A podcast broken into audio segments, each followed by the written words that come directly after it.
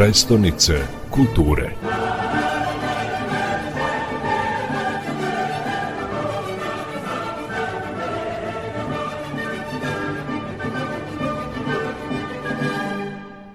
Kako ste određivali prioritete u sklopu vašeg 30-godišnjeg plana? Na šta ste se prvo fokusirali?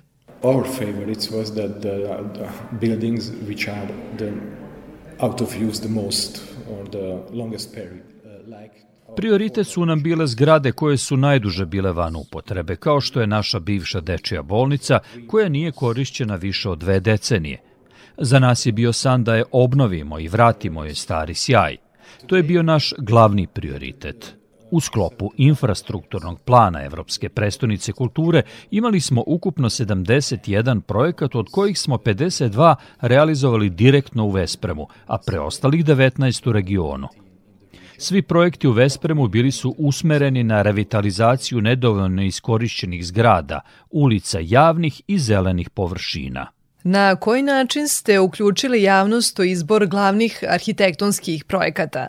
Jeste li organizovali javne pozive za prikupljanje ideja? Yes, we have. We had open calls for ideas. Da, organizovali smo javne pozive za prikupljanje ideja i pozvali građane Vesprema da zajedno promišljamo o projektima.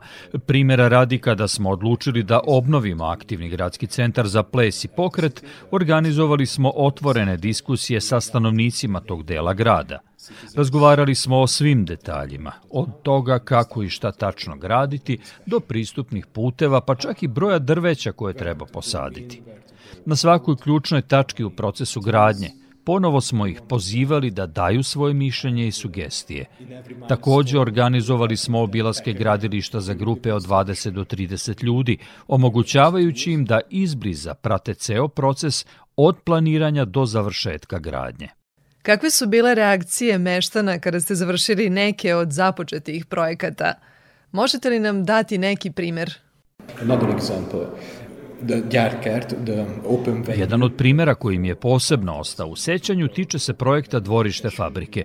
Taj otvoreni prostor sa kapacitetom od 5000 ljudi koji uključuje vertikalnu baštu, ugostio je oko 60 do 70 događaja proletos i letos.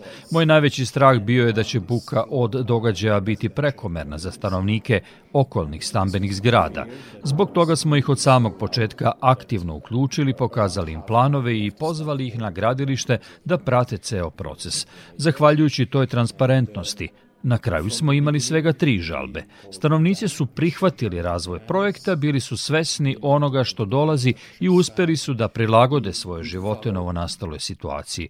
To je bilo dobro iskustvo za mene.